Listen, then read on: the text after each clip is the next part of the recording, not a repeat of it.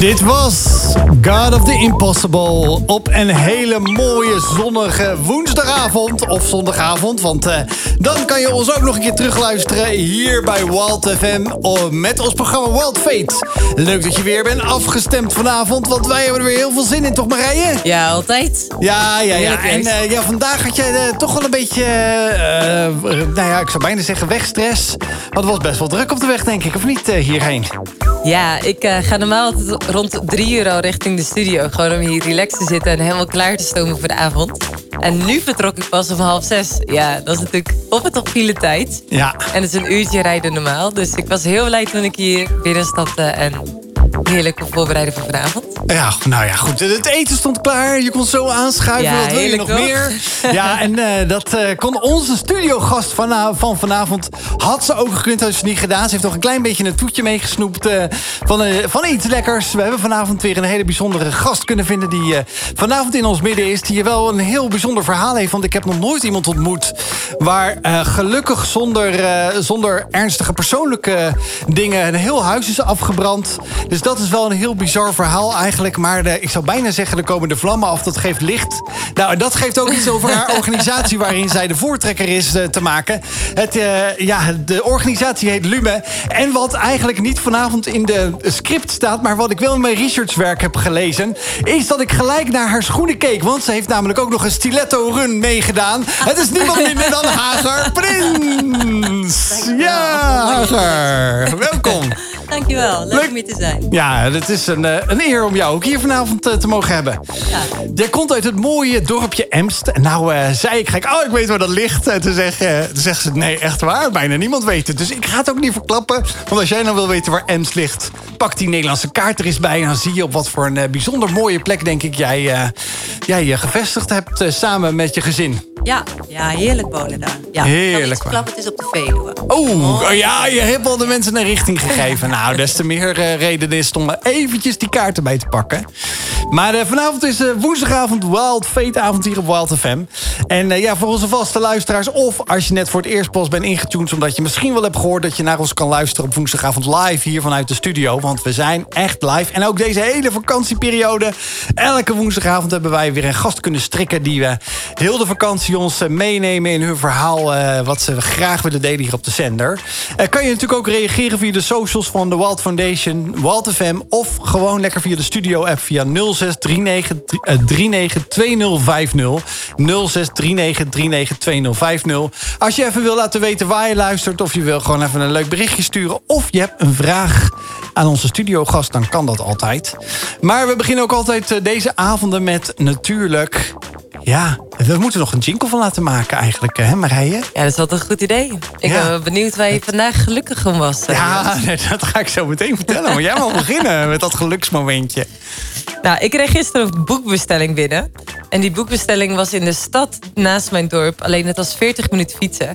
En ik dacht, ja, ik zit vanavond toch in de radiostudio. In plaats van uh, PostNL of zo op pad te sturen, stuur ik mezelf op pad. Dus ik vanmorgen heerlijk op de fiets met het heerlijke weer even er uh, momentje van genomen om, uh, om dus inderdaad een boek met de fiets weg te brengen in plaats van via de post.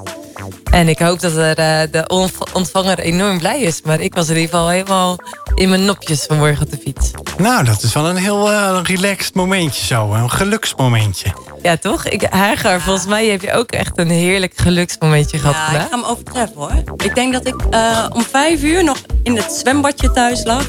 We hebben zo'n zo'n groot opblaas zwembad. En uh, daar lag ik op mijn donut in het zonnetje. Nou ja, het eerste zwembadmomentje van het jaar uh, in de tuin. Dus dat was uh, echt genieten. Dus ik zei tegen mijn zoon, ik heb een zoon van zes... van mama die voelt zich alsof ze even lekker op vakantie is. Dus dat was wel... in de eigen tuin? In de eigen tuin. Heerlijk, toch? Heerlijk. Ja, ja, nou kijk je natuurlijk mij weer aan uh, alsof ja, ik, uh, ik ook even. Kom maar door. Ja, kom maar door. Nou, ik, ik kan het niet overtreffen met een zwembad. Want ik zat inderdaad wel. Uh, bij tijd was ik wel vandaag een keer richting de studio gereden. Omdat ik denk, ja, je weet maar nooit met mensen op de weg, files, boeren. Je weet het tegenwoordig niet meer, bijna zou ik zeggen. Dus ik heb toch nog eventjes een lekker taartje bij mijn jarige neefje mee kunnen pikken. Want ik zeg tegen mijn zus, ik zeg ja, uh, ik wil wel eventjes, ik kan even langskomen. Want dat was eigenlijk woensdagavond, uh, zou, uh, werd daar een lekker feestje gevierd met eventueel een barbecue. Helemaal vandaag barbecue weer natuurlijk. En ik zeg, nou, dat gaat hem niet worden. Maar ik zeg, ik kan even half één, één uur. Ze zeg, ja, één uur is wel goed. Ik zeg, kom even een cadeautje geven en een bakje koffie doen. En een lekker taartje eten. Ja, en ik ben daar wel, ja, ben helemaal ik vind taarten heerlijk, maar soms is het een verse appeltaart die serieus echt een half uur net uit de oven is. Nou, dat is wel heel lekker. Ja, dat valt haast niet te overtreffen, Joost. nee, zeker niet. Maar daar, dat was eventjes ons geluk. Misschien heb jij ook wel een geluksmoment. En wil je die gewoon even laten weten? Of moet je er soms over nadenken. Dat is misschien ook goed om eens s'avonds of overdag over na te denken. Wat zijn de mooie dingen? Dat is helemaal niks groots. Dat hoeft niks groots te zijn.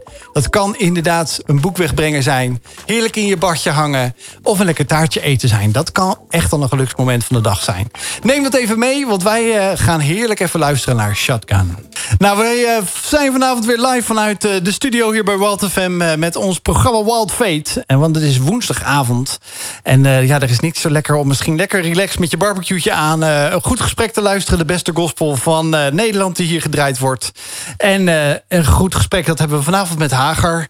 En ja, ik ben toch nog een beetje benieuwd naar die stiletto-run, Hagar. Ja, het is al lang geleden. Maar Waarom ik fascineert het altijd zo? Vooral mannen hebben dan echt zoiets van, ja, hoe zit ik, dat? Ik vind het ongelooflijk dat, ja. dat, dat, dat, dat, je op een nou ja, spijkerdikte bijna... Zo zou ik het bijna zeggen, dat je daar überhaupt al je evenwicht... Ja. Dat is al respect, dat je op als evenwichts... Mm -hmm dat je daar je evenwicht op kan ja. wagen. Dat, de evenwichtsbalk is er niks. Nou, dat is ja. ongelooflijk. Ja.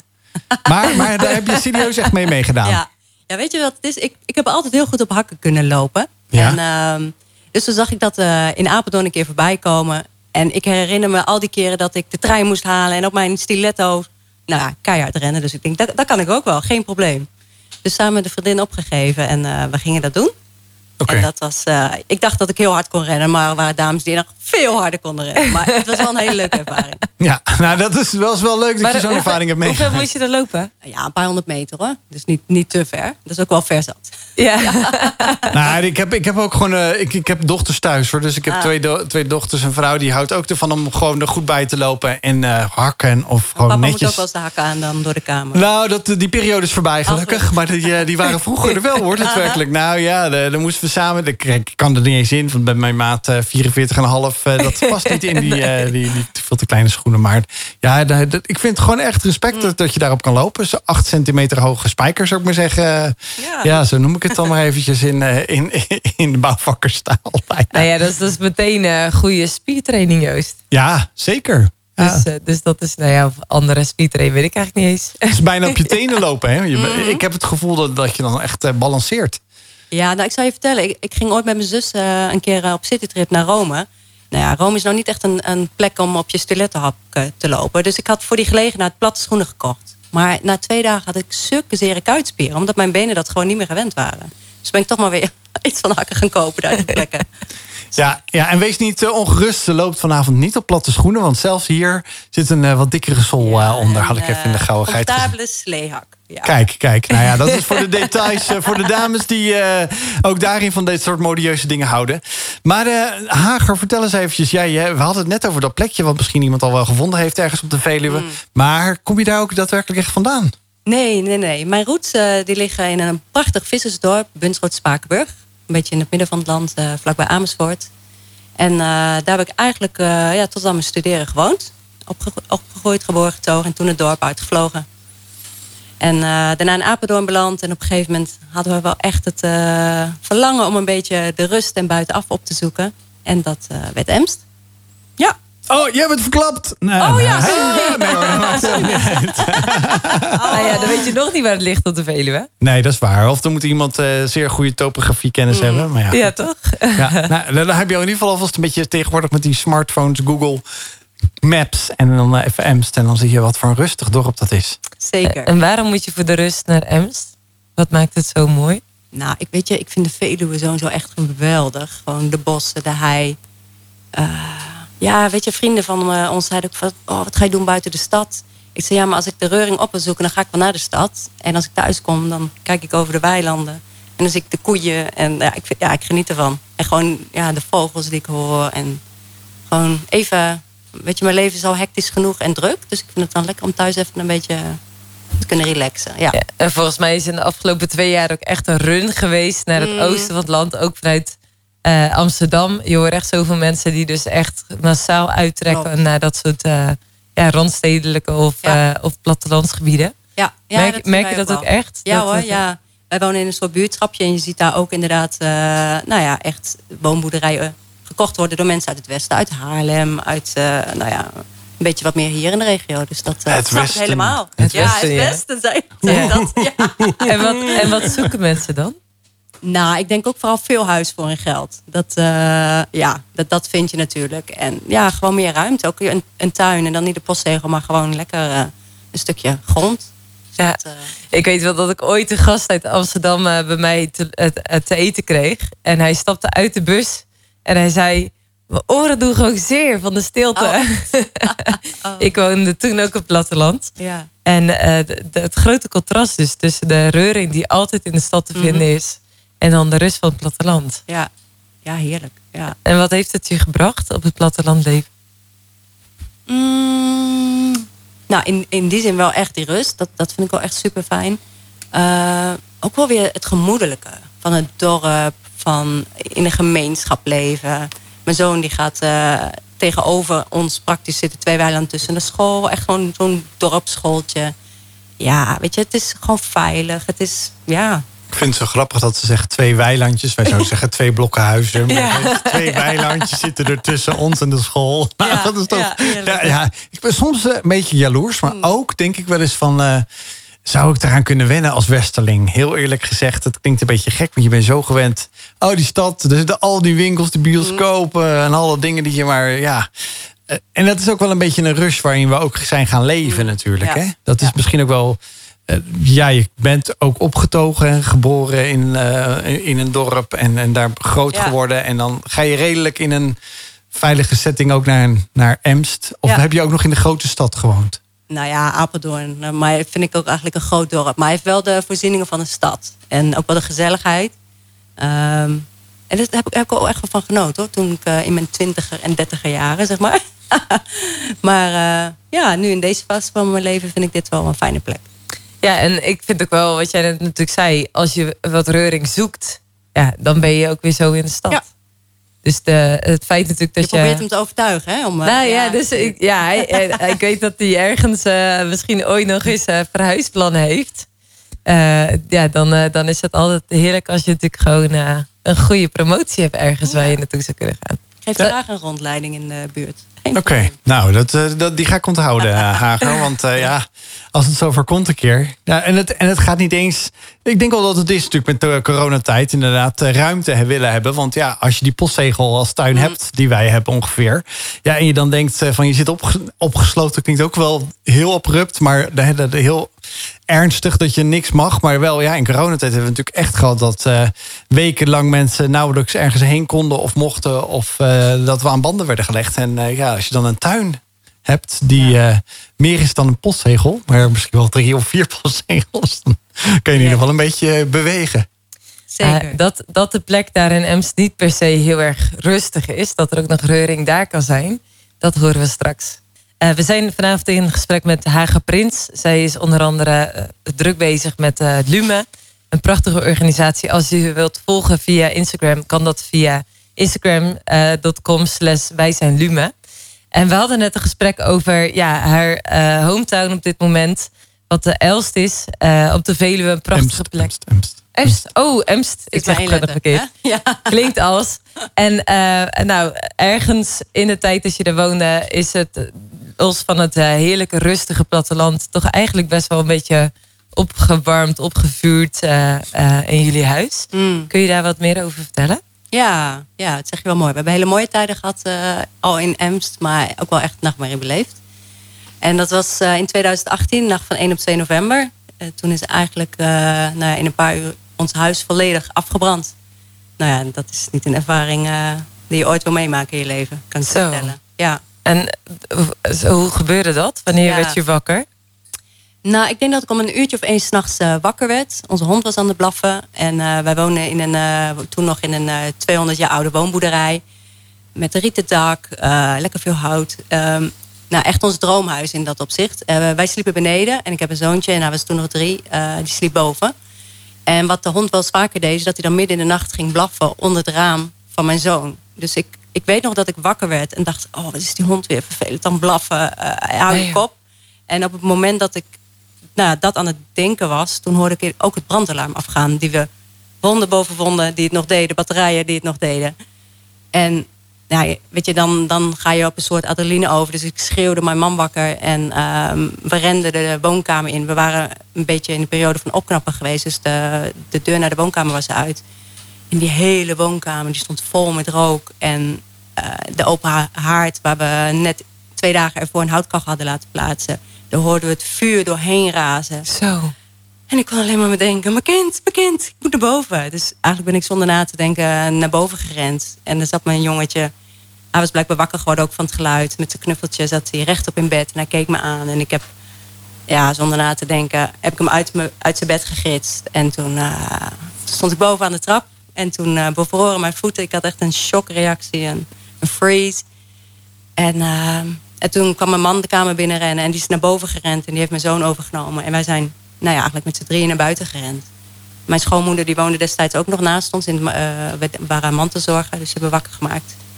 En ik stond er op mijn blote voeten in mijn pyjama. Ik zeg altijd, ik, gelukkig had ik een pyjama aan die nacht. maar ik stond er op mijn blote voeten in mijn pyjama. En nou ja, twee minuten later was eigenlijk de hele verdieping... waar mijn zoontje daar nog lag te slapen. Twee minuten later was hij weg. Dus nou, het is echt minutenwerk geweest. Dus dat... Uh, Zo. Dan kijk je ineens even de, ja, toch wel de dood in je, in je ogen. Hey, en had je, was je niet wakker geworden van het brandalarm? En eh, heeft de hond je wakker gemaakt? Of ging het brandalarm zo laat af? Um, ja, dat kan ik niet meer helemaal terughalen. Weet je, ergens, er, is ook iets wel bijzonder gebeurd die nacht. Um, die hond is gaan blaffen. En of die hond nou is gaan blaffen door het vuur of door het uh, brandalarm, dat weet ik niet. Uh, maar wat er die nacht ook is gebeurd, dat iemand die daar eigenlijk helemaal niet hoefde te zijn, die nacht langs ons huis reed. En die zag opeens, die dacht, wat is die mistig? Maar toen dacht hij, nee, dit is geen mist, dit is rook. En dus die heeft op die ramen staan bonken. Dus het kan ook zomaar zijn dat de oh, daar heel erg op is aangeslagen. Dus ik sprak later die uh, man ook. En toen zei hij van... Uh, ik zei, oh, hij, hij appte me later, had mijn nummer gekregen. Ik zei, oh, je bent onze reddende engel. En toen zei hij, nee, nee, nee, zegt hij, uh, dat ben ik niet. Ik zei, ik moest daar op die plek zijn. En ik geloof in de God en ik geloof dat hij mij naar jou gestuurd heeft. Dus had ik wel zoiets van, wow, oké. Dat was wel, ja, weet je, dingen kwamen zo, zo samen. Nee, het was onze tijd nog niet, gelukkig. Je, je vertelt het allemaal redelijk kalm. Inmiddels wel, ja. Maar dat zal niet zonder hoort en stoten zijn, uh, denk ik. Nee, nee, nee. Nee, ik weet nog... Nu, ik bedoel, ik kan het, het, eerste jaar kon ik dat niet met droge ogen vertellen. En tegenwoordig gaat het gelukkig steeds beter. Maar uh, weet je, het is zo'n gebeurtenis zo'n impact heeft in je leven. En dat je gewoon je hele leven letterlijk op zijn kop gooit. Mm. Dus dat, ja... Hey, want je zegt net, hè, je stond dus buiten en echt twee minuten later zie je dus de, ja. waar je zoontje lag te slapen. Ja uh, heel volledig afgebrand zijn. Ja. Wat gaat er door je heen op zo'n moment? Ja, nou, nou niet, niet, zoveel. Je zit echt in de overlevingsmodus. Mijn man die was nog steeds naar binnen en buiten aan het rennen. Um, om, ja, om, om spullen eruit te halen. Ja, heel, heel stom. Maar, en binnen zes minuten was de brandweer er. Dus op een gegeven moment werden we ook gewoon eruit getrokken. En werd ik uh, meegenomen in ambulance. Want je had natuurlijk allemaal rook ingeademd. En ik was vooral bezig met, ik wil mijn zoontje afschermen. Dus ik had een helder moment gehad, ik had mijn telefoon meegeritst. Dus ik heb een, een, filmpje opgezet. Omdat ik gewoon niet wilde dat hij zag wat daar gebeurde. Weet je, mm. dat hij daar gewoon zijn veilige thuis, ook al was hij maar drie, gewoon zag afbranden. Ik denk, ik wil niet dat hij een trauma dan overhoudt. Dus ik denk dat ik eigenlijk op dat moment vooral daarmee bezig ben geweest. En ook wel dat je denkt, oh, we hebben toch wel onze verzekering allemaal goed betaald. Weet je wel, dat je niet denkt, oh, nou ja, hele, allerlei gedachten schieten door je heen. Ja. En wat was de oorzaak van de brand? Ja, we hadden dus uh, in het opknappen van ons huis... Uh, hadden we op het laatste moment als een beetje de kers op de taart... Een, uh, onze open haard vervangen door een houtkachel. En die bleek verkeerd geïnstalleerd. Ja, dus dat is wel heel zuur. Zo. Het lijkt me zo heftig. ik heb laatst een schoorsteenbrand meegemaakt. Mm. Overdag. En nou ja, dat liep allemaal goed af. Omdat we er heel snel bij konden zijn. Het was ook allemaal van hout. En ik vond dat al zo indrukwekkend. Mm. Gewoon dat je de vlammen zeg maar echt om die kachel heen zag slaan vanaf de buitenkant. En dat, nou, dat vond ik zo indrukwekkend. Ja. maar dat is natuurlijk bij VAR niet te vergelijken met je huis in rook op zien gaan. Nee, dat, dat beeld staat ik wel echt nog op mijn netvlies hoor. Dat is als ik mijn ogen dicht doe en hier zo over praat, dan zie ik dat nog. Ik zie me nog zitten. We hebben zo'n klein zo'n paardje tussen de weilanden. Ehm, en daar stonden wij te wachten op de ambulance. En ik, dat, dat beeld van dat huis en echt die, die vlammen, die vuur, die tongen, weet je wel, die, die eruit kwamen, dat, ja, dat, dat vergeet je nooit meer. Dat, en het geluid, kun je dat ook nog echt terughalen? Het geluid niet, maar de geur wel. Dat is ah, nog steeds dat je gelijk aan bent. Dat, en dat hebben, dat hebben we eigenlijk best wel lang ook nog gehad. Dat je zodra je die bepaalde geur ruikt, dat je dan, nou ja, alsof je dan weer even terug, uh, terug bent in de tijd. Ja. Ja, ik kan me zo wel voorstellen, want geuren en, en situaties kunnen mm. gewoon echt aan elkaar gelinkt zijn. Dat je dan weer even voep weer Klopt. teruggaat naar dat moment. Wat dan zo uh, samenhangt met die geur. Ja, nee, absoluut. Dus dat, uh... En, en hoe, uh, dat, dat, dat, gebeurde midden in de nacht, wat je al zei. Um, de dag daarna, ben je, ben je toen ook gelijk naar het huis teruggegaan? Ja, toch wel. Ik dacht, ja, ik moet die confrontatie toch aan. En uh, ja, toen zijn we samen met mijn man. Mijn zoontje hebben de eerste keer nog niet meegenomen. En uh, ja, weet je, dan, dan zie je letterlijk gewoon je leven in, in, in as liggen. Gewoon zo voelt het op dat moment in ieder geval. Ja, weet je, het was een boerderij die jullie ook nog opgeknapt hadden. Ja, dus er zat heel veel liefde ja, en toewijding. En dit was echt wel, dit was de plek waar we de rest van ons leven gingen wonen. Zo hadden we bedacht. En dan Weet je, en dat is zo'n moment dat je beseft dat het zomaar ineens voorbij kan zijn. Uh, ja, dus dat was, was wel naar, want weet je, het smulde allemaal nog na. En je hebt dan ook al de eerste ramptoeristen die komen kijken. En dan zit je helemaal niet op te wachten. Ik weet ook dat er nog een journalist stond en die wilde allemaal vragen stellen. En ik was alleen maar, ik was één groot vaatdoek, denk ik. Dus ja, dat uh, was geen fijn moment. Ja, ik ben heel benieuwd hoe, uh, hoe verder dit afgelopen is... en hoe je daar langzaam uit bent geklommen samen met, met je gezin. Welkom terug bij Wild Fate hier op Wild FM. We zijn in gesprek met uh, Hager Prins. En uh, zij vertelde net het uh, ja, best wel emotioneel verhaal... over ja, hoe haar huis met ja, alles wat daarin zat... behalve haar man en kind gelukkig... die allebei veilig ook het huis uit zijn gegaan. En hond en schoonmoeder ook uiteraard. ja, is helemaal eens afgebrand. Ze zegt, we hebben een letterlijk ja, we zaten naar de as te kijken. En uh, ja, dan begint uh, er eigenlijk een, volgens mij een hele rollercoaster zelfs. Want ja, dan ben je die dag erna er naartoe gegaan. Je ziet dat er echt letterlijk in puin liggen. Ja, en dan begint er een bijna leven. Je zou zeggen de knop om en we beginnen te bouwen. Maar zo makkelijk gaat dat niet. nee, ach nee. nee. Dan waren wij nog snel. Maar dat. Oké. Ja. ja. Ja, want, nee, het, is echt een soort nieuw hoofdstuk. Ik weet nog dat mijn moeder tegen mij zei uh, in die periode na van... oh, je zult altijd een leven hebben voor en na de brand. En dat, dat is ook wel zo. Je gaat gewoon een soort nieuw boek weer schrijven met elkaar. Ja. Maar waar begin je dan? want je begint, ja. je begint eigenlijk met... oké, je staat dus daar bij dat smeulende huis... en dat was een hele nare dag. Ja. Die journalist stond er ook, die wilde eigenlijk alles weten. Ramptoeristen die ja. ermee stonden. En waar begin je dan?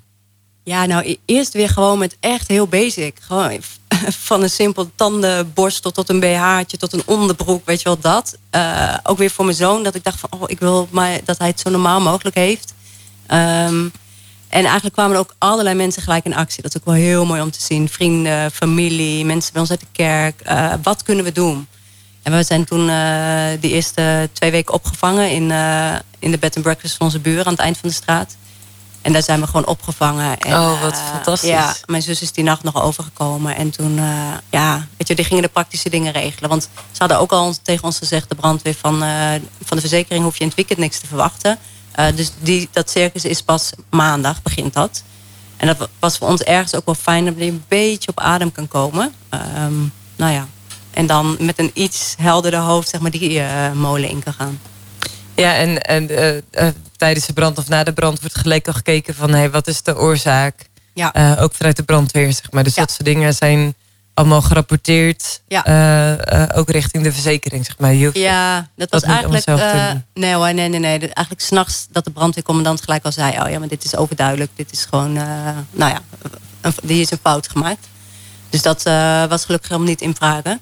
Maar goed, ja, weet je, je, je hebt dan toch met officiële instanties te maken of formele instanties uh, als een verzekeringsmaatschappij uh, die opeens geld moet gaan uitkeren. Ja. Hmm.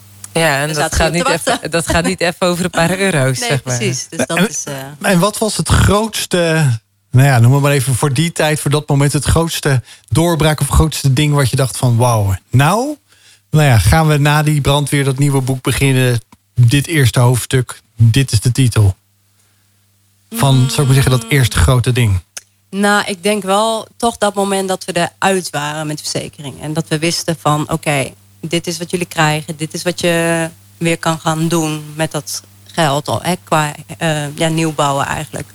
Ik denk, ja, ik herinner me nog een, moment dat we met de architect aan de tafel gingen. Want we moesten gewoon weer een heel nieuw huis tekenen. Uh, dat ik dacht van, oh hè, hè nou, het is niet alleen maar ellende. Maar nou, we kunnen ook weer kijken of we letterlijk iets moois nieuw kunnen gaan tekenen. Het, het lijkt me ook wel echt wel bizar. Want je koopt een woonboerderij ook om de charme van een, zo'n oud huis. Ja. En dan zit je opeens met een architect en je grond blijft wel van jezelf. Ja, een vet nieuwbouwhuis te maken. Ja, zeg Maar, maar een vet nieuwbouwhuis is echt het volledig tegenovergestelde van een, een, woonboerderij van 200 jaar oud. Ja. Moet je daar ook nog mee dealen? Ja, dat was in het begin wel, wel wennen. Want zeiden mensen toch hartstikke mooi, je hebt een nieuw huis. Ik zei, ja, dat weet ik. ik zeg, maar dat is niet het type huis waarvoor we, wat we, waarvoor we gingen, wat onze droom was. Weet je, en dat, dat heeft gewoon tijd nodig. En nu uh, ja, ben ik, zijn we er echt super blij mee. En, uh, je ligt lekker in je donut uh, in het zwembadje te drijven. Precies, ja. ja. Dus dan weet je, dat komt. Maar dat, dat heeft tijd nodig, ja.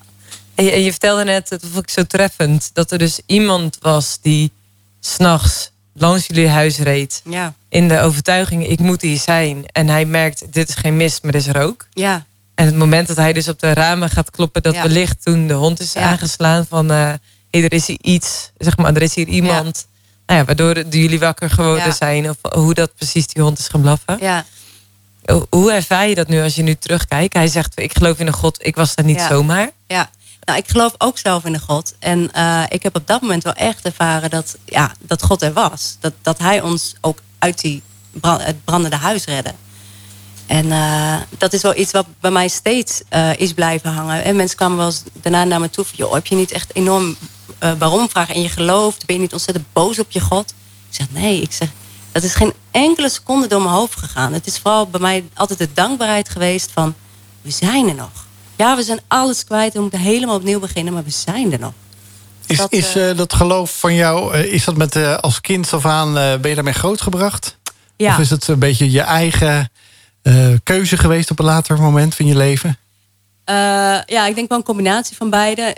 Je vertelde net uh, waar ik ben opgegroeid. Nou, het is in een prachtig dorp, vissersdorp in Schoot-Spakenburg. Ehm, ja, en weet je, daar wordt het geloof je bijna met een paplepel ingegoten, zeg ik wel eens.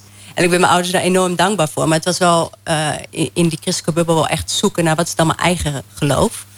Um, ja, dus dat, dat heb ik me ja, op latere leeftijd pas wel echt eigen gemaakt. Ja. Ja, want wat betekent dat geloof voor je? Wat is dat, geloof voor jou? Geloof is voor mij, ja, nou, dat hebben we dus ook letterlijk zo ervaren, maar dat als alles om je heen in elkaar dondert, dat je die zekerheid hebt dat er iemand is die jou altijd vasthoudt, die jou, die jou redt, die het beste met je voor heeft, die, ja, die er voor je is, die trouw is. En trouw is voor mij echt wel, als ik denk aan God, dan is trouw voor mij wel echt een woord. En uh, dat ook verschillende momenten in mijn leven ervaren. En ook zeker die nacht. Dat ik denk, en, maar ook in de periode daarna het gelopen is. Van, ja, hij was er. En dat liet hij steeds weer zien door mensen heen die op ons pad kwamen. Uh, door die helpende hand die we aan alle kanten kregen aangestoken. Uh, ja, hij heeft ons gewoon niet in de steek gelaten. Dus hij, hij, God is God red. Ja, dat. Ik vind nog wel steeds bijzonder dat even teruggrijpen op die man waar we net eventjes, waar ik even op inhaakte. Maar dat hij dus aanklopt op een moment midden in de nacht of uh, begin van de nacht. Ja, je moet maar denken van ja, je moet maar net een keer denken, oh, ik ga vandaag linksom in plaats van rechtsom nou ja, naar huis. Gebeurde, of ja. hey, ik, kom, uh, ja. ik, ik, ga nog iemand ophalen en ik ga nu linksom in plaats van rechtsom. En dan op een of andere manier dan ook de bevestigingen. Jij noemt dan een reddende engel. hè, maar dat is dus ook wel hoe God mensen stuurt. En dan kan je wel zeggen, ja, aan de ene kant ben je huis kwijt en waarom zou God dat doen? Maar aan de andere kant uh, je bent wel daardoor ook misschien wel meer ja. een zegen gaan zien van de ja. mensen. Ja, de, de geluksmomenten, als we het even zo mogen zeggen, mm. van de mensen om je heen. Ja, nee, absoluut. Ja, zo kan ik er wel naar kijken hoor. Ja, dat, uh, ja, dat geloof ik echt wel dat het, is, het zo werkt. Het is natuurlijk wel bijzonder dat je niet die vraag hebt van waarom overkomt dit ons? Ja, ik weet eigenlijk, ik denk eerlijk gezegd geloof ik dat me dat ook gegeven is. Dat ik daar dus die rust ook van boven mag ervaren dat dat zo is. Weet je, dat, dat zou je helemaal je hoofd gek maken. Terwijl dat was ook niet wat, wat ons gezin op dat moment nodig had. Uh, die onrust van die vraag. En nou ja, nogmaals, ook omdat het gewoon bij mij helemaal niet leeft op dat moment. Nee.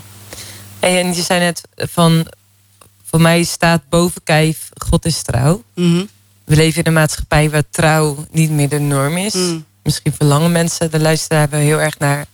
Ja, ik vind, ik, ik heb zo het vertrouwen verloren in mm. mensen, in mm. God of in maatschappij. Uh, wat zou je ze dan willen zeggen? Ja, dat, er, dat ik geloof dat er ergens daarboven iemand is die dat voor jou wel wil zijn. Die trouw, die je misschien mist in de mensen om je heen.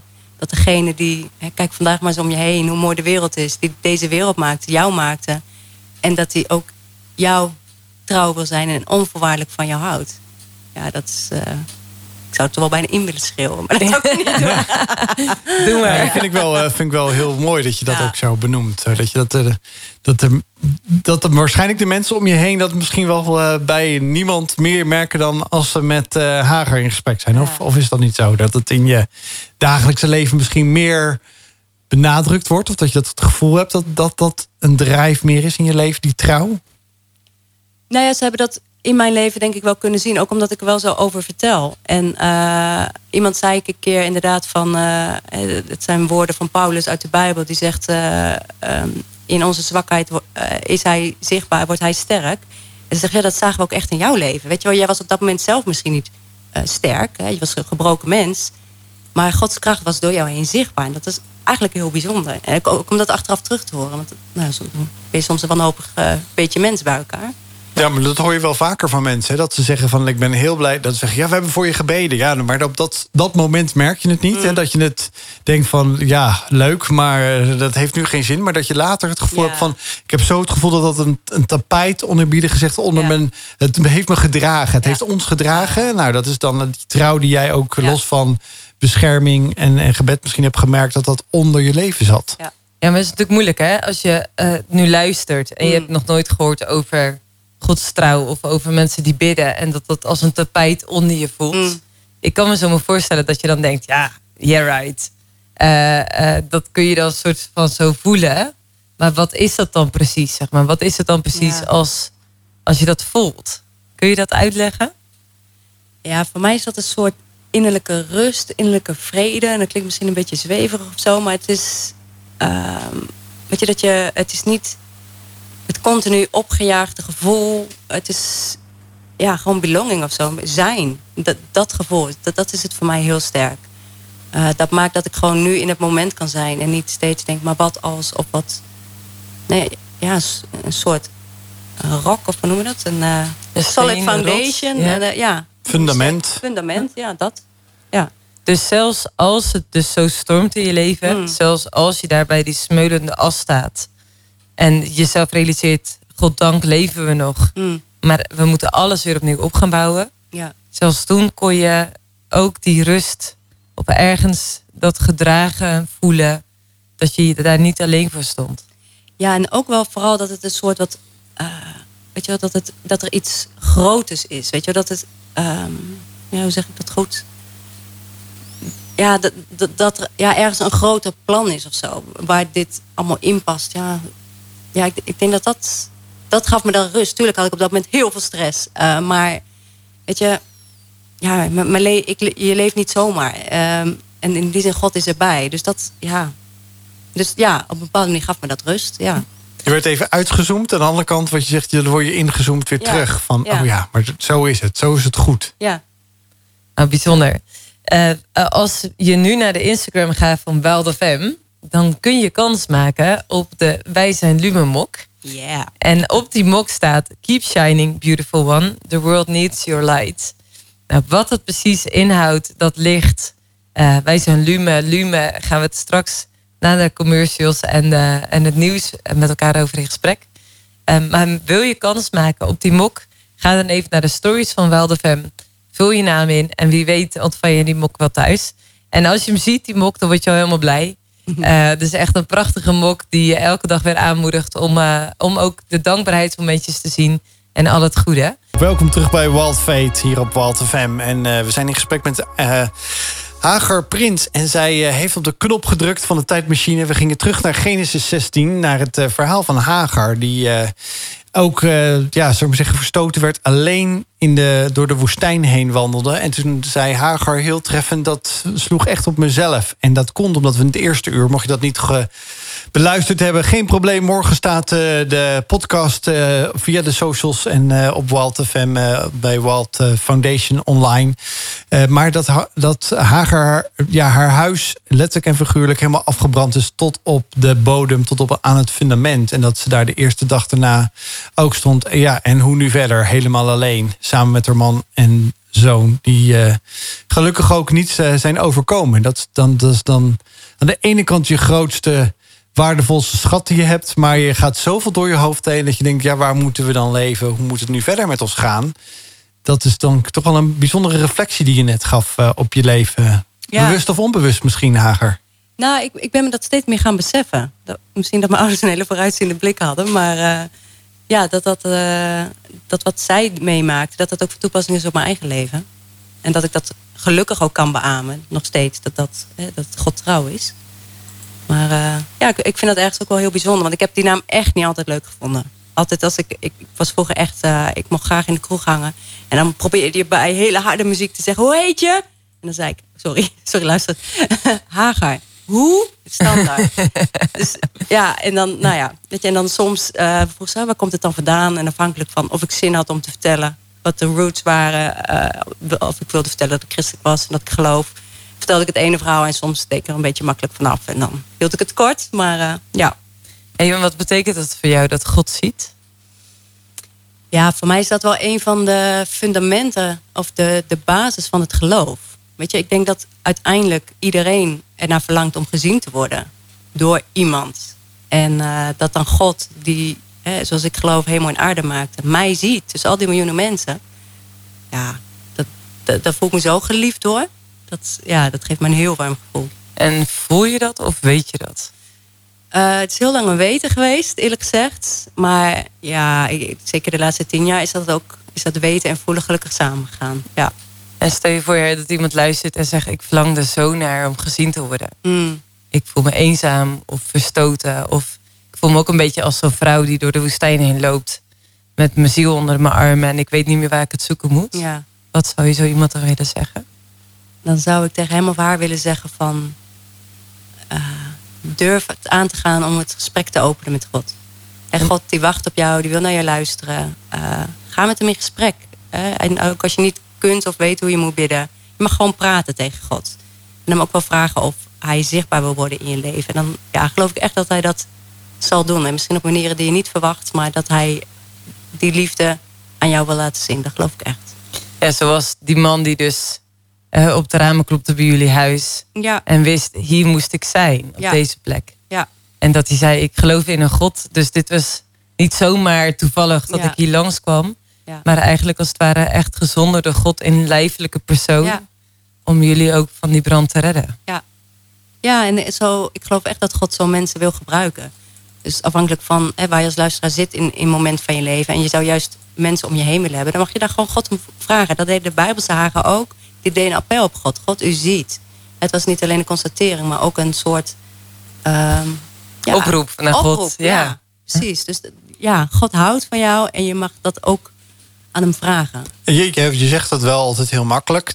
maar dan denkt iemand, ja, maar weet je wel niet wat ik kan wel op mijn mm. kerfstok kijken. Of, of ja, wie ben ik nou eigenlijk? Maar is dat zo makkelijk? Ja, ik geloof van wel. En ik denk dat er genoeg mensen zijn die je anders misschien hebben doen geloven. Maar als je het hele evangelie afpelt, uh, de hele Bijbel afpelt, dan is dat wel de boodschap. God houdt onvoorwaardelijk van je. En hij wacht op je. Zijn hand is uitgestoken. Je hoeft hem alleen maar aan te pakken.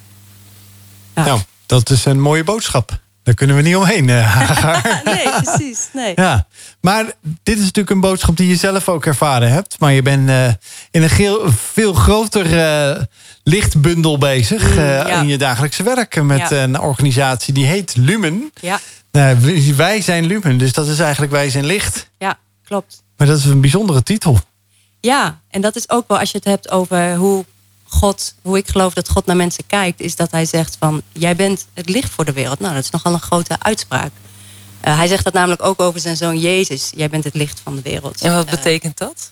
Licht zijn voor de wereld? dat je liefde en redding kan brengen op plekken waar het duister is. En dat kan in levens van andere mensen zijn of in, in de wereld zijn. ja, daar kan je Weet je, we, we kunnen niet zonder licht. Ik, ik denk, denk aan de situatie dat het heel donker was.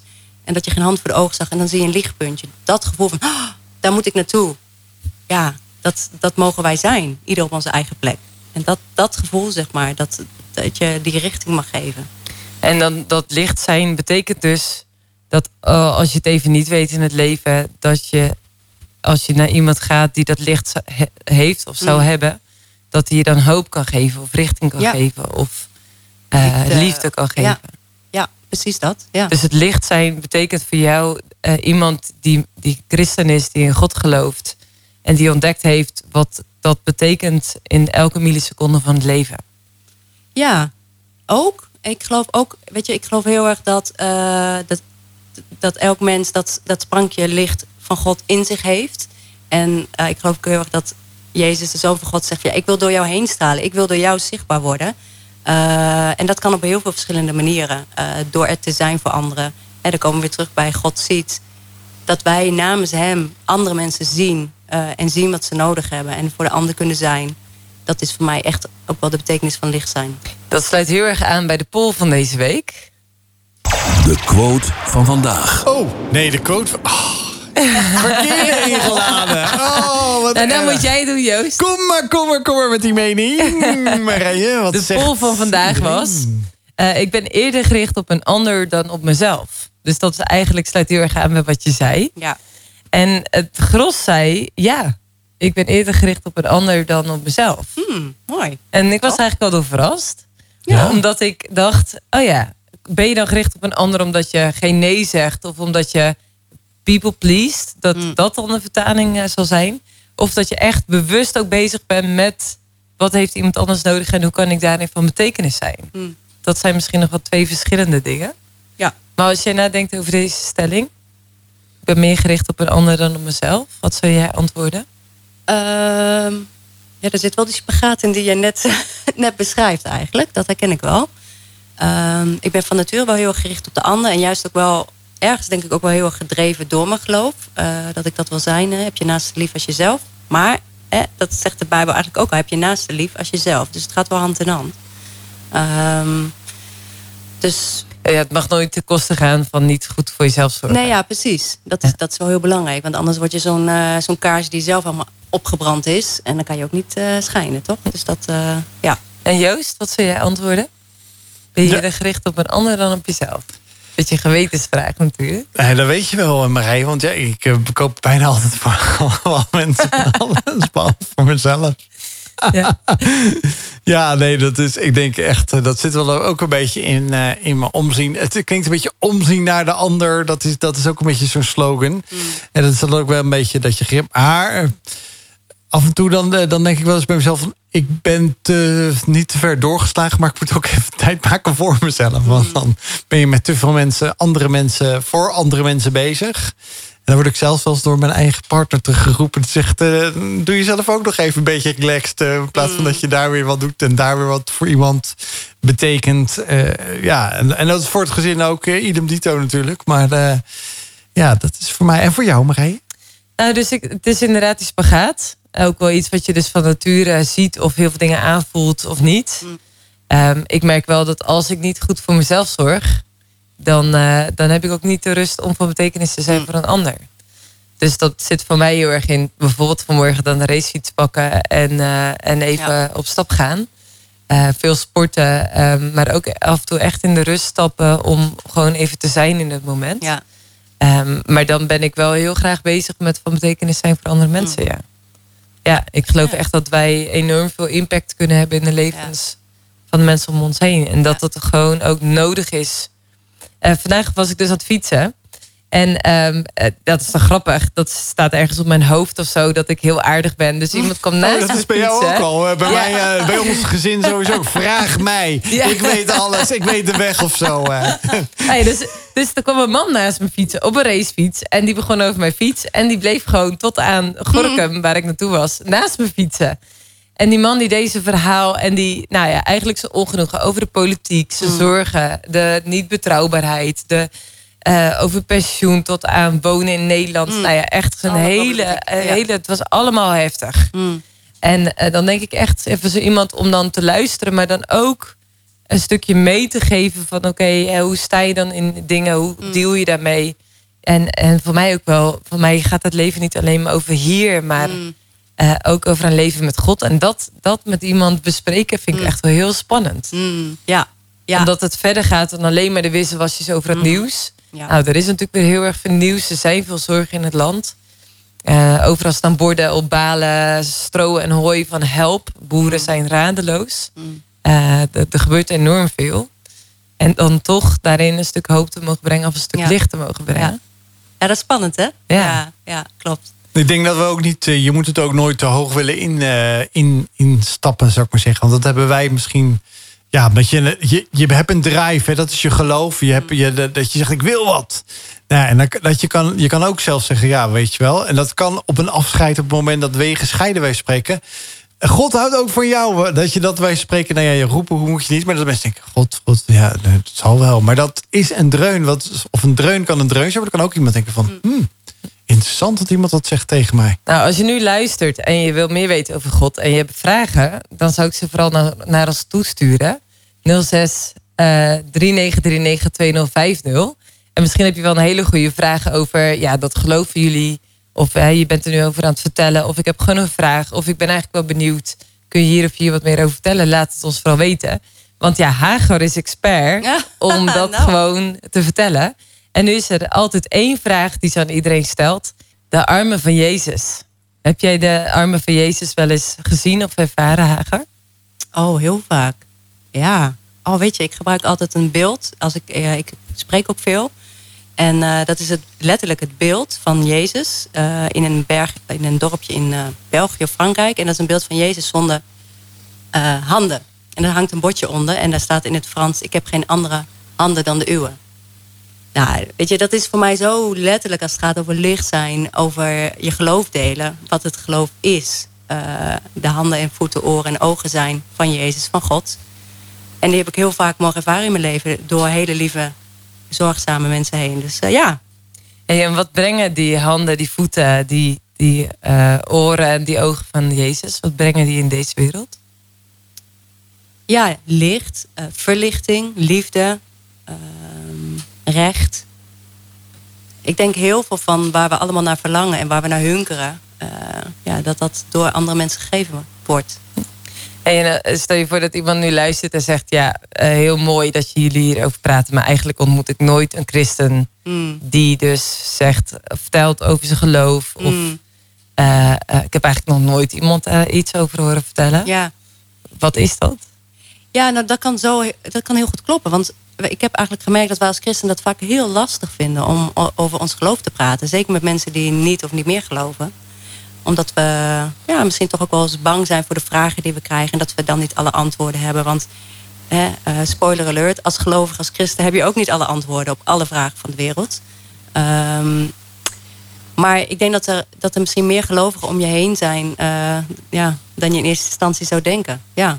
Dus als je als uh, gelovige luistert en denkt: Oh ja, eigenlijk vind ik dat ook heel erg moeilijk. Mm. En dan heb jij een hele goede vraag die mensen helpt om daarover na te denken.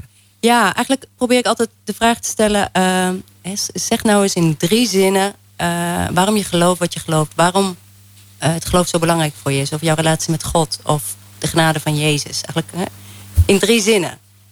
En ik heb gemerkt dat we dat echt lastig vinden om te, om te beantwoorden. Hè, wat het dan, ja, wie Jezus voor jou is. Zoals ik in het eerste uur ook vertelde. Mijn houvast, mijn rots. Uh, als alles om me heen stort. Um, we hebben vaak, eh, zeker als we in de kerk zijn opgegroeid... Uh, heel veel verhalen gehoord. En heel veel formuleringen hoe het dan zou moeten. Maar dat is dat is, zit in je hoofd. Maar wat, wat zegt je hart als je denkt aan God? Ja, dus ook wat je zei. Ik ben opgegroeid in een christelijk dorp. Ja. Een vissersdorp. Waar het geloof eigenlijk met de paplepel erin gegoten werd. En ergens kwam de vraag ook bij jou. Wat betekent het geloof dan ook voor mij? Ja, klopt. Ja. Ik merkte eigenlijk, ik groeide op uh, in dat dorp. En daar ging iedereen ook nog eens naar dezelfde kerk. Dus iedereen geloofde praktisch hetzelfde. En ik heb eigenlijk toen gemerkt, ja, daardoor heb je nooit echt een gesprek over wat je nou gelooft en waarom je de dingen gelooft. Dus ik merkte op latere leeftijd, toen ik ging studeren, toen ik ging werken, dat ik echt een soort verlegenheid had om daar goed woorden aan te geven. Eigenlijk ventileerde ik dus helemaal niet zo vaak dat ik christen was. Want ik denk, ja, oh, help. Uh, wat ga ik dan straks antwoorden? En dat is eigenlijk heel gek, want het geloof is voor mij zo ontzettend belangrijk. En dat, dat op een gegeven moment ook ging afvragen, ja, maar waarom hou ik dat dan zo vaak bij mezelf, voor mezelf, terwijl ik zoiets moois heb om te delen? Ja, we hebben zo'n uh, gezegde, waar je hart vol van is, dan stroomt je hart van over. Uh, waar je hart vol van is, stroomt je mond van over. Ja, en er zijn ook christenen voor wie dat geldt tot misschien ergernis toe soms. Sorry mensen daarvoor. Maar, um, maar er zijn ook heel veel christenen die dat helemaal niet zo ervaren. En die ontzettend opeens heel introvert worden als het gaat over hun geloof. En dat is ontzettend jammer. En dat is ook een van de redenen uh, ja, waarom Lume is opgericht. Wij zijn Lume. Het is een platform voor en door vrouwen... waar we elkaar juist willen helpen om ons geloof te delen. En ook om licht te zijn op de plek waar God ons plaatst. En dan ben ik wel heel benieuwd, uh, Hager, wat jij dan doet in die drie zinnen. Ja, voor mij zit dat echt nou, waar ik de uitzending mee begint. Uh, God is voor mij mijn redder, mijn houvast. Als alles om me heen in elkaar dondert. En dat zei ik ook al voor de brand. Dan is hij er. Dan is hij mijn rust. Dat zijn wel drie lange zinnen, hè? maar... ja. Jij bent de communicatiedeskundige ja, ja, in ons midden, volgens mij. Ja, dus als je verlangt naar rust... Eh, dan is dat, dat ook de plek waar jij dat gevonden hebt. Juist bij wie God er is. Ja, en als je er naar verlangt om gezien te worden, om geliefd te worden... en je vindt dat niet hier, is echt iemand die heel veel van je houdt. Ja. En dat wordt uh, dat, in dat platform van Wij zijn Lumen... daar, daar doe je die community, uh, daar, daar, zijn jullie mee bezig met zo'n uh, thema... of met allerlei ja. thema's, ja, klopt. om zichtbaar te zijn. Ja, om eigenlijk in dit geval christelijke vrouwen te helpen... om, nou ja, we noemen het ook als moedig opstaan... om uit te stappen ook in geloof en te delen van... ja, wat, wat is nou uh, wat jouw leven zin geeft. Ik geloof dat iedereen op zijn of haar manier op zoek is naar die zingeving. En voor christelijke mensen is dat het geloof. Uh, praat erover, deel erover, zodat dat misschien ook een aantrekkingskracht mag hebben op anderen. Van ja, maar oké, um, die zingeving, daar ben ik ook naar op zoek. Welke antwoorden heb jij erin gevonden? Hoe kan je me daarbij helpen? Want en dat is ook in de coronatijd gebleken, dat mensen heel erg spiritueel op zoek zijn. Nou ja, ik denk dat God, Jezus, het antwoord is op al die vragen die je kunt hebben. Dus uh, ja. Mooi. Joost, wat zou jij antwoorden in drie zinnen? Ja, ik zat, ik zat op Je was al bang voor ja, Daar was ik al bang voor Marije. Nou, je mag jij hier steeds. Ja, nee, nee. Nou, ik heb altijd een mooie quote. Ja. Ik geloof dat als God de ontwerper is van het leven... Mm. als hij jou en mij geschapen heeft... dat we juist bij hem mogen zijn voor de handleiding ervan. Mm. En een van de dingen die Jezus zegt... is dat hij een leven wil geven in al zijn volheid... En dat, ik heb jarenlang met mensen erover gepraat. Wat betekent dat nou? Mm. Want als er een vol leven is, dan wil ik niet gaan voor een half vol leven. Mm. Ik ga niet voor half vol. Ik wil een vol leven. En wat Jezus nog meer zegt, is dat dat leven in volheid alles te maken heeft met een leven in vrijheid. Mm. En ik denk als we Born to be Free achter Joost, als je met de livestream meekijkt, dan zie je onze banner staan van Wild Fate. Born to be Free. En dat vind ik wel echt we zijn echt mm. gemaakt om vrij te zijn. Yes. Ja. En vrij van alles waarvan je zegt van hè, ik, ik kan met verslavingen of met onzekerheid of met uh, ik weet dus niet waarvoor ik leef. Mm. Nou, dan ben ik het met jou volledig eens dat we juist bij Jezus, bij God, het antwoord, alle antwoorden mm. mogen vinden. Ja. ja, ik ben daar ook erg gepassioneerd over, maar dat hoor je jullie wel. je begint ook ja, Dus Joost, ja, ja, ja, ja, ja, nee, nee, maar ik, heb, ik zat er al over na te denken. Ik denk dat een hele mooie is, is van ik heb niet de waarheid, maar ik volg de waarheid. Hmm. Dat is eigenlijk wel eentje voor mij dat ik denk, want Jezus is de waarheid en de weg. En de weg, de waarheid en het leven, zoals we dan zeggen. En ik denk dat dat voor mij het is. Want uh, hij, hij baant mij een weg in mijn dagelijkse leven... waar ik en soms heel veel tegenkom of soms heel veel ervaar... maar ook soms dagen niet direct echt heb uh, dat ik weet dat God er is, maar niet het gevoel heb dat hij er is. Of dat hij er wel is, maar dat ik het niet gevoel heb dat hij echt op die weg is. En hij, hij is ook de waarheid, want dat is echt voor mij wat boven kijf staat. Dat is gewoon, voor mij is dat nog niet ontkracht, zou ik zeggen. En het leven, ja, dat is waar we nu in staan. Maar er is ook een leven na dit mm. aardse leven. En daar mogen we naartoe werken om meer op Jezus te gaan lijken. En dat mag je hier alvast gaan oefenen uh, in alle dagelijkse dingen die je doet. Mm. En zo mooi dat je zegt, ik geloof dat Jezus de waarheid is. Uh, vooral ook met alle fake nieuws en, en de vragen soms van uh, hoe betrouwbaar zijn onderzoeken en dat soort dingen. En jij zegt, hey, voor mij staat het echt als een huis dat Jezus de waarheid mm. is. Nu heeft onze Rien weer een mooi itemje gemaakt. En dat gaat ook over de Bijbel.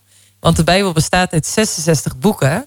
En hij heeft dus een overdenking gemaakt van... oké, maar wie heeft die Bijbel dan geschreven? Wie heeft de Bijbel geschreven? Nou, de Bijbel is geschreven door 40 schrijvers. En de boeken van de Bijbel zijn toegeschreven aan vooraanstaande personen binnen het Joodse en het christelijke geloof. Mozes bijvoorbeeld, die kreeg de credits voor de eerste vijf boeken van de Bijbel. Meeste van de profeten die kregen de credits voor de boeken die naar hun vernoemd zijn. En ga zo maar door. Maar de realiteit is eigenlijk iets complexer dan dat. Mozes bijvoorbeeld heeft waarschijnlijk niet elk woord van al die vijf Bijbelboeken zelf geschreven. En dan heb ik het over Genesis tot met Deuteronomium. Hij stierf zelfs voordat sommige van de gebeurtenissen gebeurden die in die boeken beschreven staan. En er is ook een grote kans dat Jona bijvoorbeeld niet zelf Jona schreef. En Jesaja die had waarschijnlijk wat hulp door de eeuwen heen. Dus de vraag wie heeft de Bijbel geschreven is uiteindelijk niet zo makkelijk te beantwoorden. Welkom terug bij Wild Fate. We zijn inmiddels alweer uh, flink in onze twee uur uh, beland. Met Hager, prins van Lume. En uh, ja, we hadden net een gesprek over het licht zijn. Wat betekent het geloof eigenlijk voor je? En zij zegt ook zo prachtig van het geloof is me eigenlijk alles. En Jezus is mijn rots. En God ziet mij. En dat is dus eigenlijk iets heel erg ja, belangrijks. Iets heel erg treffends ook in jouw leven. En ik zat op de, in de voorbereidingen zat ik op de Instagram-pagina van mm. Wij zijn Lume. Dus zeker ook volgen. En de laatste post, wat daar staat, is: Fate will, will take you far greater places than fear ever could. Dus uh, geloof brengt je op veel grotere uh, plaatsen dan fear ooit, angst ooit zal mm. doen. En nu leven we denk ik in een maatschappij waar, of in ieder geval in een wereld waar heel veel mensen angst kennen. Ik had net nog een meisje onderweg naar de radio aan de lijn en zij zei: hey, ik voel regelmatig paniek opkomen. Mm. Is dat een thema wat bij heel veel mensen leeft? Ja, ik denk dat het wel een heel actueel thema is. En zeker ook nu als je naar de wereld om ons heen kijkt. Ik bedoel, opeens merk je dat we heel veel dingen niet meer in controle hebben. Waarvan we dachten dat we dat toch zekere mate onder controle hadden. Uh, de maakbaarheid van de samenleving. Nou ja, dat heeft corona ook wel laten zien. Dat dat, nou ja, een wassen neus is, zeg maar. Dus wat blijft er dan nog over? Um, dus ik denk dat angst een heel groot thema is. En zeker als je angst de keuzes in je leven laat bepalen, ja, dan doe je uiteindelijk jezelf wel heel erg tekort. Ik denk dat het niet nodig is, maar ik begrijp het wel heel goed, ja. Ja, dus eigenlijk zeg je van uh, als angst je, levens, uh, je levensloop bepaalt, de keuzes bepaalt, uh, dan kom je uiteindelijk ergens uit waar je eigenlijk niet uit wil komen. Ja, want, want durf je dan ooit echt stappen te nemen of keuzes te maken die misschien niet voor de hand liggen, maar misschien wel het beste voor jou zijn. Of ja, jou het verste brengen. Ja. ja, want wat doet angst dan? Hoe werkt dat? Nou, ik denk dat angst je verlamt. Hè, om weer even terug te gaan naar het eerste uur. Ik werd verlamd door angst bovenaan die trap. Ja, als ik daar was blijven staan, nou, dan uh, kon ik dit niet navertellen. En, ja, want je huis stond in brand. Ja, precies. Voor degene die dus, nu aanhaken, ja, zeg maar. Ja, je dus, had je zoontje uit zijn bed getild die al rechtop zat in bed. Ja. Met zijn knuffel in zijn handen. En uh, hij was ook wakker geworden van de tumult. Ja. En dus binnen no time was jullie uh, woonboerderij afgebrand. Precies, ja. Dus ik denk als, als je dan op dat moment angst je leven laat bepalen, ja, dan dat is een letterlijk voorbeeld dat het je stilzet. Maar ik denk dat het ons stilzet. Um, en dat dat. Uh... Ja, een verkeerde vorm van stilzetten is. Ja, precies. Niet een ja. stilzetten nee, van. Nee, een reflectie niet. Nee. nee. Nee, maar dat het je verlamt en dat. Ik geloof niet dat je, dat je veel goed brengt. Nee. En, en hoe kun je dealen met angst? Als je uh, ook echt niet weet hoe je daar dus uit moet komen als je dus verlamd staat? Ja, ik denk dat het angst loslaten is, is de controle overgeven aan iets of iemand anders. Ja, en voor mij, nou ja, dat is inmiddels wel duidelijk, is dat heel duidelijk God in mijn leven. Dat ik zeg van oké, ik weet het niet, feit over veer. Uh, ik geef de teugels van mijn leven aan u en ik vertrouw op u dat het goed zal zijn. En ik weet de weg niet, maar dat. En wat zijn dan die grotere plaatsen waar je ooit gekomen bent door je, je controle en je angst uit handen te geven? Nou, ik denk dat Lumen daar wel een voorbeeld van is. Want ik vond het echt rete spannend om dat uh, te gaan opstarten. Want ja, je gaat iets beginnen en ja, wat als het faalt? Ik ben wel vrij perfectionistisch aangelegd. Um, en uh, toen eigenlijk ook op momenten in mijn leven wel duidelijk van ja, nee, ik, ik, ik moet dit toch gaan doen. En dit, dit is een goede stap om te doen. Ja, en als ik dan nu kijk waar we staan drie jaar later, uh, met hoeveel vrouwen inmiddels zijn aangehaakt, wat we hebben kunnen doen, hoeveel vrouwen we hebben kunnen inspireren en bemoedigen, dan denk ik ja.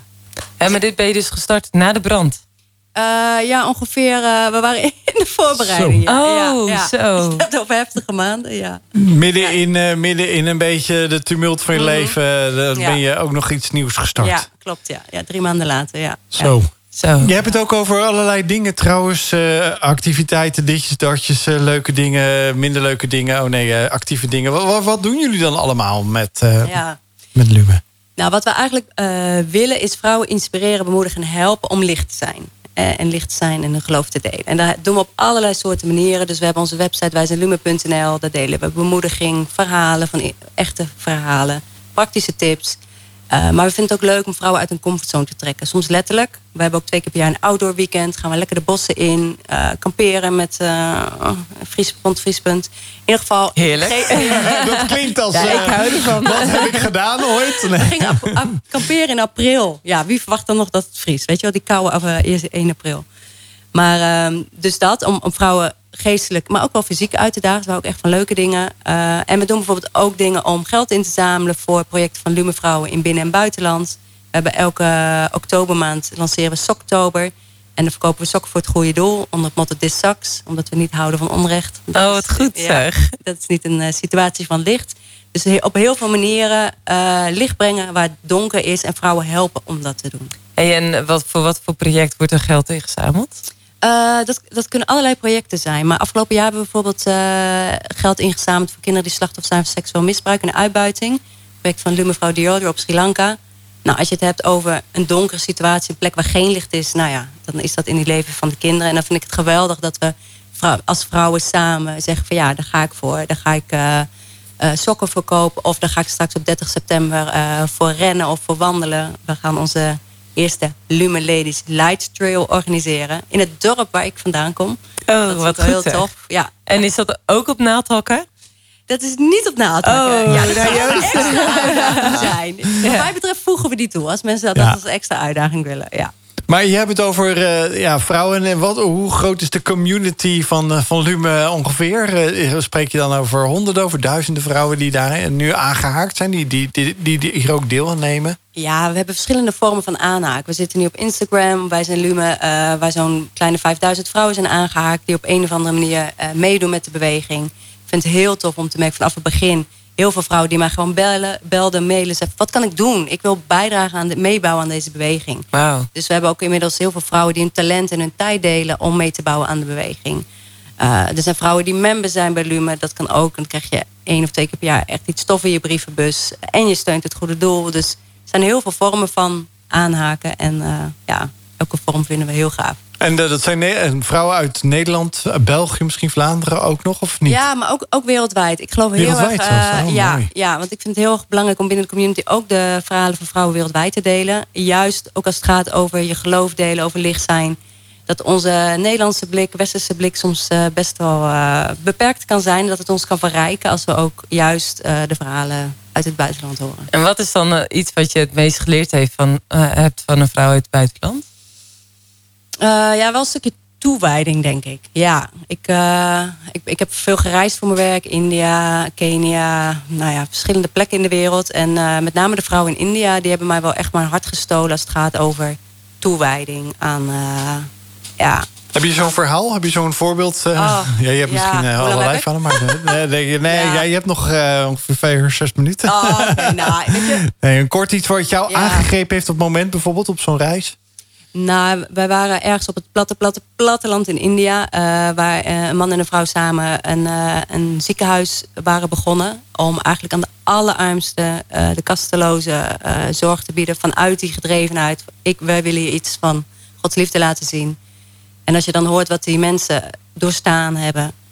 maar steeds heel koersvast. Vol toewijding. Ehm, gewoon ja, mijn tijd is, is de uwe, zeg maar. Dat principe ja, ik leef hier niet voor mezelf, ik leef hier voor de ander, om maar even weer bij die stelling aan te haken. Ja, dat, weet je, daar kan ik alleen maar vol bewondering en ook wel een beetje jaloezie naar kijken. Dat ik denk, wauw, weet je, ja, als je het hebt over zingeving, waarom ben ik hier op aarde? Dat dan zo voluit leven. Ja. Ja, dat kan ik ook wel beamen. Want ik heb mm. dat ook wel in het buitenland uh, gezien en ook ervaren. Mm. Dat ik denk bij mezelf, dat is inderdaad jaloezie. Het klinkt een mm. beetje gek, want die mensen hebben soms bijna niks. Dat je denkt van, hoe, hoe dan? Ja. Maar toch is daar gewoon die drive. En, en hoe, hoe is het voor jou Marije? Heb jij daar ook een uh, ervaring mee? dat je in het buitenland bent en, uh, en geraakt wordt door, door anderen. Ja, misschien, maar het buitenland is misschien uh, een mooi voorbeeld, maar misschien heb je ook wel een binnenland. Nederland. Ja, ik, wat ik, uh, ik moet denken aan een vriendin, die komt ook uit een vissersdorp. Zij komt van Urk. En door omstandigheden werd zij heel jong weduwe. En als ik zie hoe zij haar geloof leeft, doorleefd heeft, haar kinderen voorleeft Terwijl haar jongste was zes weken oud toen, toen ze weduwe werd. Um, ja, dat vind ik zo bijzonder. Dat je, al heb je het dus over een doorleefd geloof, juist ook door de moeilijkheden en de ellende heen. En dan vind ik dat heel erg bijzonder. Dat mm. dus geloven niet gaat over, hey, je kunt geloven en dan gaat alles voor de wind. En dan heb je alleen maar voorspoed en dan kun je de auto rijden die je allemaal wil. Maar geloven gaat dus blijkbaar heel erg ook over uh, um, leven in het moment. Uh, jezelf geliefd en gekend weten door een God. Uh, waardoor als het ook stormt in je leven, precies ook wat jij zei. Dat je dan steady kunt staan. Vol vrede. ook al is het super moeilijk. Ook al razen je emoties echt alle kanten op.